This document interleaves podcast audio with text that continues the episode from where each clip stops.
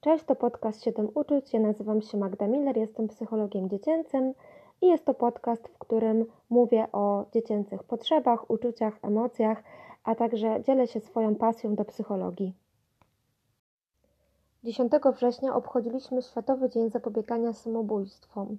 I choć mam wrażenie, że w Polsce od pewnego czasu coraz więcej mówi się na temat psychologii, kryzysów psychicznych, depresji czy samobójstw, to w dalszym ciągu pokutują pewne mity, które są niezwykle niebezpieczne. I o tych mitach właśnie chciałabym dzisiaj opowiedzieć.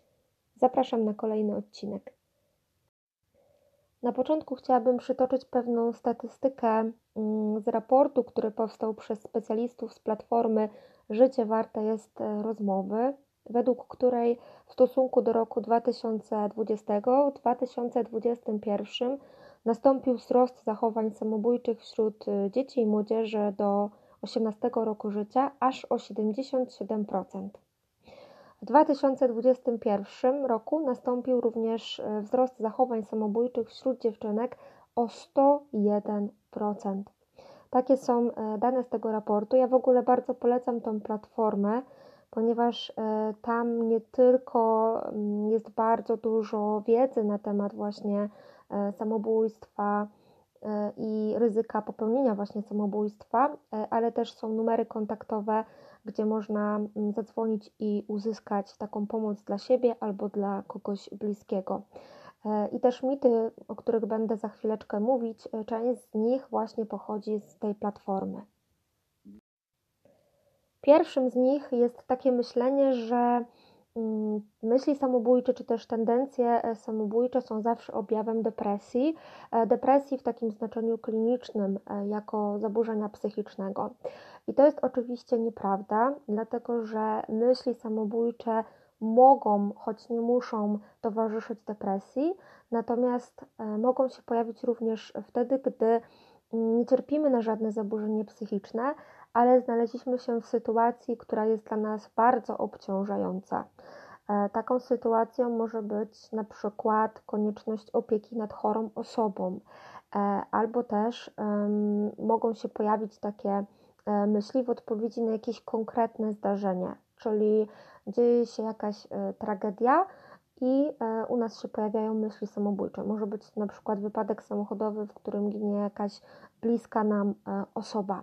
Czyli możemy tutaj powiedzieć o tym, możemy to tak właściwie podsumować, że pewne czynniki tutaj sytuacyjne e, również mogą wyzwolić e, właśnie myśli samobójcze. Pierwszym z nich jest takie myślenie, że mm, myśli samobójcze czy też tendencje e, samobójcze są zawsze objawem depresji. Depresji w takim znaczeniu klinicznym, jako zaburzenia psychicznego. I to jest oczywiście nieprawda, dlatego że myśli samobójcze mogą, choć nie muszą towarzyszyć depresji, natomiast e, mogą się pojawić również wtedy, gdy nie cierpimy na żadne zaburzenie psychiczne, ale znaleźliśmy się w sytuacji, która jest dla nas bardzo obciążająca. E, taką sytuacją może być na przykład konieczność opieki nad chorą osobą, e, albo też um, mogą się pojawić takie myśli w odpowiedzi na jakieś konkretne zdarzenie, czyli dzieje się jakaś e, tragedia i e, u nas się pojawiają myśli samobójcze. Może być na przykład wypadek samochodowy, w którym ginie jakaś bliska nam e, osoba.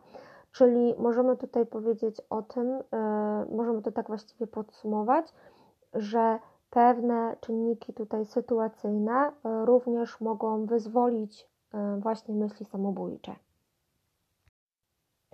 Bardzo często pokutuje też takie przekonanie, że osoba, która podejmuje próbę samobójczą, nie chce żyć.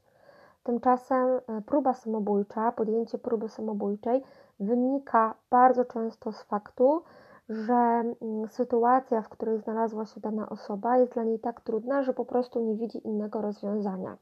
E, w psychologii mówimy o czymś takim jak syndrom presuicydalny, i to jest coś takiego, co towarzyszy osobie właśnie zaraz przed e, podjęciem tej próby samobójczej. Jedną z takich charakterystycznych cech tego stanu jest tak zwane widzenie tunelowe.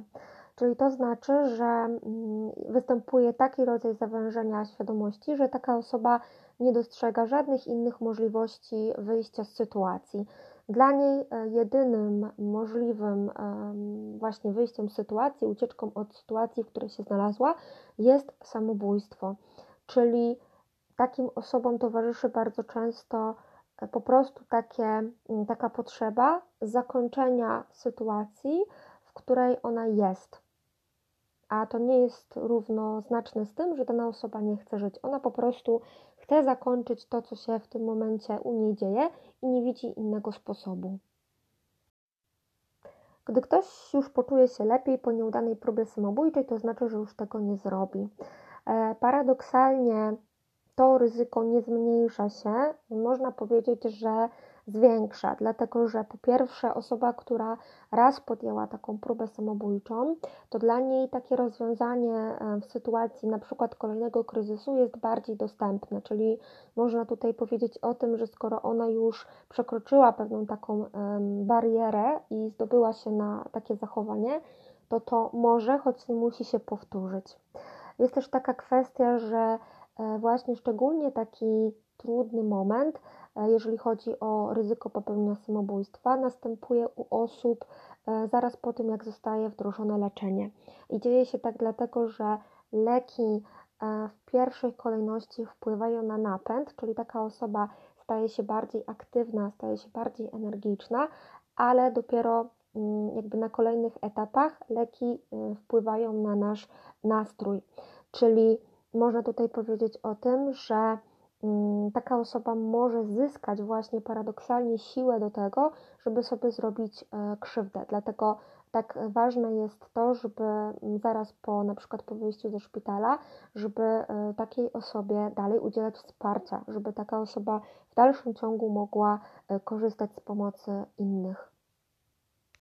Samobójstwa popełniają tylko osoby cierpiące na zaburzenia psychiczne.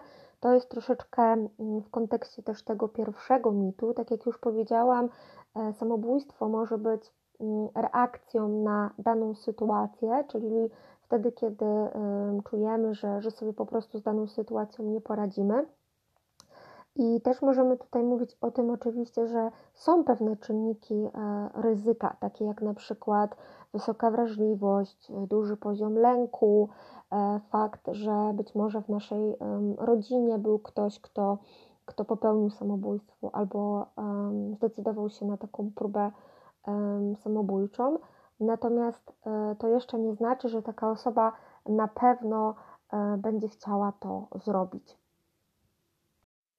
Jeżeli ktoś o tym mówi na głos, to znaczy, że tego nie zrobi. Myślę sobie, że to jest jeden z najbardziej takich popularnych mitów, zwłaszcza jeżeli chodzi o pracę z dziećmi czy też z nastolatkami.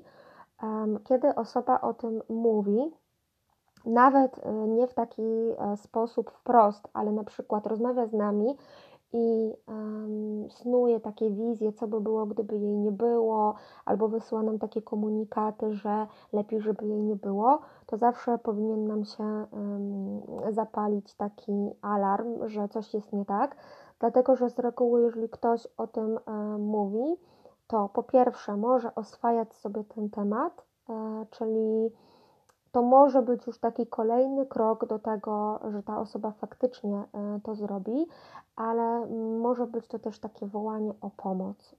Może być też tak, że ta osoba nam o tym mówi, bo tak naprawdę oczekuje jakiejś reakcji z naszej strony.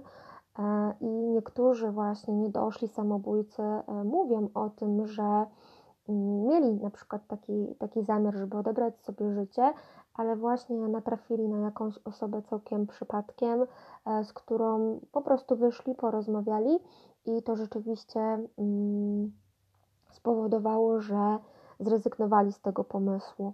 Także e, zawsze trzeba być po prostu e, czujnym i też czasami spotykam się z takim twierdzeniem, że niektórzy mówienie o tym wprost traktują jako pewnego rodzaju manipulację być może tak jest, że niektórzy e, manipulują, być może są to osoby na przykład, które mm, cierpią na jakieś zaburzenia psychiczne, ale zawsze, e, może inaczej, nigdy nie powinno się bagatelizować tego typu sytuacji. Jeżeli będziemy pytać wprost o zamiar samobójstwa, to zwiększymy szanse na to, że ta osoba to zrobi. Myślę sobie, że mm, wielu nas taki mit dalej pokutuje. Być może dzieje się tak też z takiego powodu, że wolimy nie otwierać pewnych tematów, bo do końca nie wiemy, w jaki sposób o tym rozmawiać, w jaki sposób się zachować. I trochę towarzyszy nam taki stres, że jeżeli otworzymy ten temat, Mm, i zrobimy to na przykład nieumiejętnie, to być może jakoś tym samym popchniemy tą osobę e, w tym kierunku. E, nie ma takich zależności, że mówienie wprost albo pytanie wprost o zamiar e, samobójstwa gdzieś tam zwiększa prawdopodobieństwo tego, że to nastąpi. No gdyby tak było, to, to nie miałoby sensu na przykład infolinie różnego rodzaju centrów czy też interwencji kryzysowej, gdzie właśnie takie pytania bardzo często są wprost zadawane i na podstawie jakby odpowiedzi konsultanci, którzy tam e, pracują, mm, szacują właśnie poziom e, zagrożenia i, i na podstawie tych informacji podejmują decyzję tego, jak e, tej osobie pomóc. Także nie ma danych dotyczących tego, jakoby pytanie wprost miało w jakikolwiek sposób, że tak powiem, triggerować tą osobę do tego, żeby to zrobić musi zdarzyć się coś naprawdę tragicznego, żeby ktoś pomyślał o samobójstwie. I to nie jest prawda, ponieważ to, jak reagujemy na daną sytuację, zależy od wielu czynników. Ja już troszeczkę wspomniałam o czynnikach ryzyka, ale też troszeczkę powiem o czynnikach e, ochronnych, czyli o naszych takich zasobach. Może być tak, że ktoś doświadcza bardzo trudnej sytuacji, na przykład sytuacji permanentnego stresu, mm, na przykład na skutek doświadczanej w szkole przemocy psychicznej.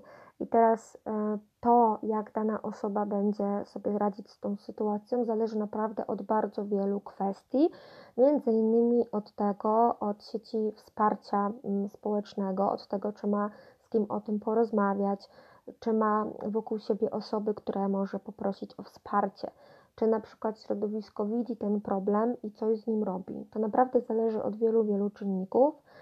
I tak jak już powiedziałam, to nie jest tak, że tylko mm, stresory, czyli takie wydarzenia o bardzo dużym ładunku stresu, e, mogą wyzwolić myśli samobójcze. To może być tak zwany stres przewlekły, spowodowany czy tą wspomnianą właśnie przemocą psychiczną, czy też jakąś inną sytuacją na przykład trudnościami w relacjach e, interpersonalnych.